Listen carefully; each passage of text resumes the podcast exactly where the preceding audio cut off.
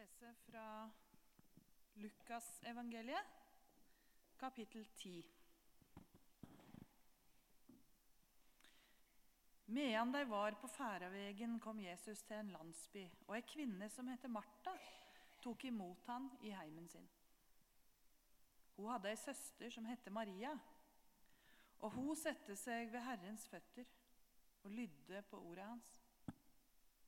Men Martha hadde det så travelt med alt hun skulle stelle til. Og hun gikk bort til deg og sa, 'Herre, bryr du deg ikke om at søstera mi let meg være aleine om alt arbeidet?' 'Si til henne at hun skal hjelpe meg.' Da svarte Herren, 'Martha, Martha, du gjør deg strev og uro med mange ting.' Men ett er nødvendig. Maria har valgt den gode delen, og den skal ikke takes ifra henne. Vi starter i dag en ny serie i forhold til bok og disippelrytmer, som kommer til å være hovedtema neste halvannen måned. Og I dag så starter vi med det første temaet. Ingen skal ut-oppgaven. Og Jeg begynner med møteplass. Jeg husker første gang jeg skulle kjøre over Suleskar. Jeg irriterte meg så sinnssykt at det gikk an å bygge en så smal vei. Selv om det var mange møteplasser, så var det så mange farlige situasjoner. Den traileren kom bånn pinne nedover bakken jeg var på vei opp. Uh, og visste at vi møtes ikke på møteplassen, vi møtes midt i den bakken. Så kjente jeg litt panikk i det. Altså. Er det galskap, eller hva er det som holder på her? Og så har jeg tenkt litt på det akkurat med møteplasser. fordi at Nå må jeg tenke litt det åndelige livet og det å få noen møteplasser med Gud. Er det sånn at travelheten vår tar oss på en sånn måte at alle påminnelser om at du har en Gud som er glad i deg og som ønsker å være sammen med deg, det blir bare irritasjonsmomenter. Det blir som å si Gud, du må være gal som prøver å få kontakt med meg når jeg er på vei fra A til B. Bare glem det. Kanskje er møteplassene noe vi skal stoppe litt opp for.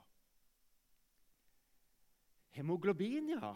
Er det noen som har tatt naturfag her? Og noen som har gått på NTNU? Er det ingen ingeniører her, eller noen biologer vet du, og leger og sånn som har studert hemoglobin? Og det som er så fint, kan, Du kan studere hemoglobinet helt ned til DNA og RNA og alt det der fire ordene som det heter, og likevel gå glipp av det aller viktigste. Du kan studere det i søkk og seng, og du kan bli så klok som bare det. Men hva er det du går glipp av? Jo, det er relasjonen mellom hemoglobin og oksygen og mellom der ser dere, ja, hemoglobin og cellene. Det er jo kommunikasjonen som er hele greia. Og Det var det andre som jeg tenkte på i forhold til Gud. At uh, Hvis vi glemmer ut at det handler om relasjon, så blir alle ting som handler om å studere Bibelen og ulike måter å be på, eventuelt høre på Kristiane, som bruker liksom så mye tid i stillhet, det blir bare noe som i verste fall blir en sånn Ja, hvem er du, tror du er? Som holder på liksom og skal bli ekspert på sånn og sånn. Men hvis vi husker på at det handler om relasjon, så blir alle de andre tingene meningsfylte. Og de får òg sin rette plass. For det handler ikke om kunnskapen om Bibelen, men det handler om relasjonen til Gud. Båt Oltesvik-Dirdal. Er det noen som har tatt båten? Jeg har ikke tatt den, men jeg har hørt om den nesten hver dag. i for Vi har to på kontoret som har brukt den båten. Og Jeg husker veldig godt de der første ukene når den båten kom og tunnelen ble stengt. Det var nesten litt sånn hallelujastemning blant bygdafolket. Fordi de fikk jo kaffe på båten, og det var litt sånn eksentriske skipper som fant på litt tull og tøys. Og så ble det en liten sånn en herlige øyeblikk i løpet av dagen. En liten sånn en kvarter med den båtturen der, der ting stoppet litt opp, og så ga det noe nytt til de som bodde der. Og så er det klart, Over lang tid så ble det der litt sånn langt å, å organisere og litt sånne ting. det er klart. Men Kanskje kan det òg minne oss litt på at uh, i møte med Gud kan vi finne de små øyeblikkene som likevel får lov til å bety en stor forskjell for oss.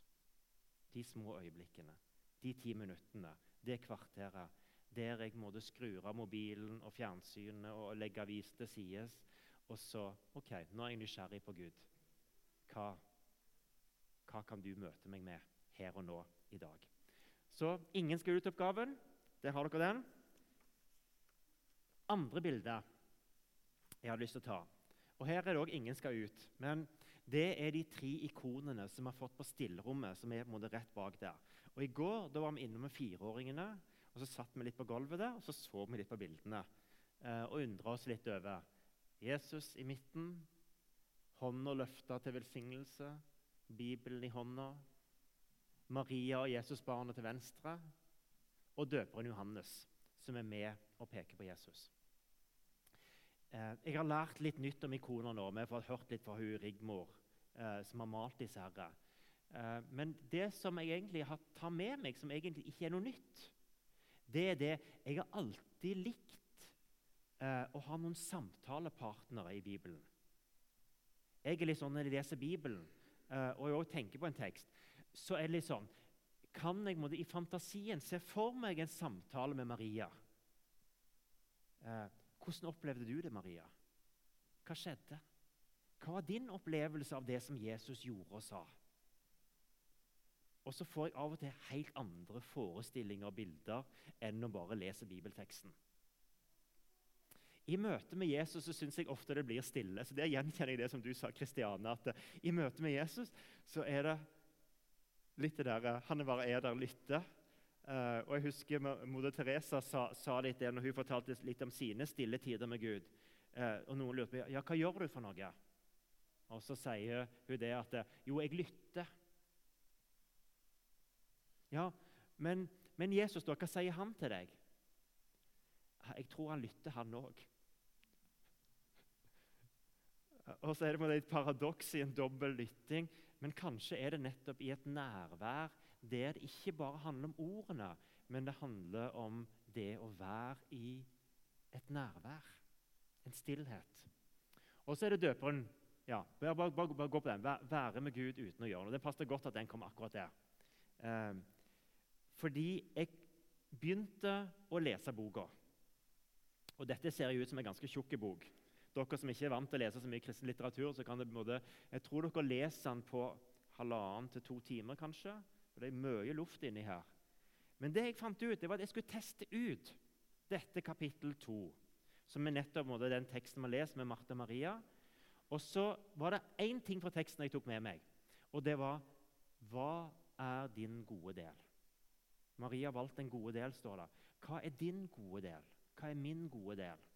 Og Så tok jeg bare med meg det spørsmålet inn i det å tenke på det som er sagt om disse relasjonene. og sånn. tenke, ja, hva ønsker du å minne meg på Gud, og hva kan jeg oppdage når jeg blar litt i boka? Og da var dette her, første sitatet som jeg la merke til, det var det å være med Gud uten å gjøre noe. Uten å gjøre noe. Og så fortsetter han med å sitere eh, fra Magnus Malm. Så fort vi blander resultatorientering inn i vårt forhold til Gud, jeg tror du har det sitatet. Så fort vi blander resultatorientering inn i vårt forhold til Gud Så stoppet jeg egentlig der. For jeg tror at det, det er, vi som mennesker er litt lagd Vi må få noe ut av det. Men jeg tror at uh, hvis jeg bare tenker hva skal jeg få ut av et vennskap, hva skal jeg få ut av et ekteskap, hva skal jeg få ut av dette dåpsbarnet, sånn? så hører vi litt egentlig hvor hvor dumt det høres ut. For det er jo kontakten, relasjonen, det er jo det som er alt. Og Kanskje er det sånn i møte med Gud òg at så fort vi blander resultatorientering inn i det, eh, så skjer det noe. Og resultatene Han nevner noen resultater her. Trøtthet, rastløshet, motløshet, manglende konsentrasjon, likegyldighet. At det, det er noe med det som ikke fyller på dypest sett hos oss. Og så skrev han det. Bruker jeg det åndelige livet bare som en forberedelse til ytre arbeid? Igjen, Hvis det bare blir en plass der jeg skal hente et eller annet for det jeg virkelig skal gjøre, uh, så er jeg aldri alene med Gud. Det blir aldri noe være. Det blir aldri noe være. Jeg er aldri til stede, og det blir aldri noe ansikt til ansikt. Det blir aldri noe reelt møte med Gud hvis jeg måtte bare ha resultatorienteringer i det. Og Der begynte min samtale nå. Med, jeg tok ikke, de, tok ikke de tre ikonene til dagens tekst, men jeg tok rett og slett og tenkte på dåpen til Faderen, Sønnen og Den hellige ånd. Og så var det tre ting jeg oppdaget når jeg, bladde her. Det ene var det å være, som jeg sa. Hva er det å være uten å gjøre i møte med Gud? Det må jo være det, noe som er nåde. Og Han som har skrevet denne boka, heter Vidar Bakke, prest i bymenigheten. Han elsker bilder. Eh, og Av og til blir det mye bilder, kjenner jeg. Men et av de bildene som jeg bare kjente, det var mitt bilde. Se for dere det å komme til et litt sånn stort, gammelt hus med en svær hage. Og så står det bare et skilt på døra i hagen. I hagen. Jeg vet ikke om noen av dere besteforeldre oldeforeldre noen andre som har hatt det sånn måte, det, måte, okay, det var liksom tomt i huset, men det sto bare skilt i hagen. Og så går du inn i denne store hagen med frukttrær og plener. og kanskje de lagd no Noen er jo fantastisk flinke med det å lage til sånne hager. Og jeg kan se for meg det å sitte rundt steinbordet med min farmor og drikke ripsbærsaft. Og kjenne på at det, det er utrolig godt å bare være. Livet er utrolig godt i det å bare være. Og det ønsker jeg sånn at vi skal ta med oss inn i vårt møte med Gud. Med bare å kunne være hos Gud og få noen øyeblikk der vi kjenner noe av den samme dype Det er godt å være til. Det er godt å være her. Så ble det min lille samtale med Gud Faderen. Så var jeg borte på Jesus. Og det, det som slo meg der, eh, det var en gammel åndelig øvelse som han nevner her, som kalles for tilbakeblikk på dagen. Ignatius Alayola, han som fornya den katolske kirka etter at Luther hadde herja så mye med han. Eh, og Det har blitt så mye konflikt av det ene og andre, så roa ting seg litt ned. Og så kom Ignatius inn. Eh, han var ganske rå i begynnelsen, han gjorde en del dumme ting, han òg. Men han hadde noe fantastisk i det med å gi oss en øvelse, en åndelig øvelse som heter 'tilbakeblikk på dagen'. Og Linken mellom bibelteksten og det med å lytte til dagen sånn som det har vært, eh, det var egentlig at eh, i samtale med Jesus så ble det en påminnelse om de menneskelige behovene. Jeg trenger søvn. Jeg trenger mat. Jeg trenger rekreasjon. En del av mitt åndelige liv handler om å ta vare på kroppen. og ta vare på livet. Og bare være i det. Og Sånn sett så har når det måtte nevnes her med en åndelig øvelse, Sett deg ned stille, tenk tilbake på dagen. Eh, så har det vært en god greie å sette seg ned på slutten av dagen og kjenne etter. Hva var det som ga påfyll i det å være menneske i dag? I det å være Oddbjørn? Det å være meg? Hva var det som ga påfyll? Og så bare lytte litt. Hva er det jeg kjenner betyr noe for meg her og nå? Ikke bare hva var jeg glad i å gjøre for 20 år siden, men hva er det her og nå som er den gode delen? Som Jesus sier, den skal ikke bli tatt fra meg, fordi at den er så viktig for det å leve. Og så var Den hellige ånd. da. Han er den mest åndelige av de der eh, personene. Men Ånden han var egentlig der i det første bildet som jeg tok i dag. Ingen av bildene skal ut. Det er møteplassen, det er relasjonen. Det er det å, få lov til å være i møte med Gud. Det er det å få være. Ingve, du skal synge en sang for oss.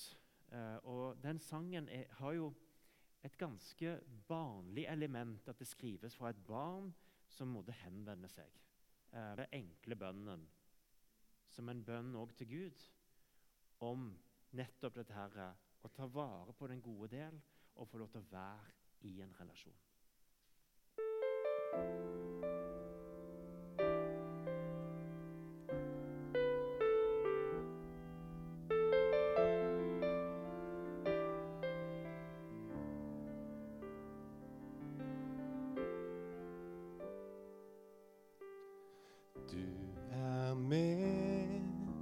Jeg vet at du er glad i meg. Så blir jeg trist og lei. Får ikke til å være slik som du vil. Jeg kjenner at jeg svik. Nå kjem jeg til deg, for du har sagt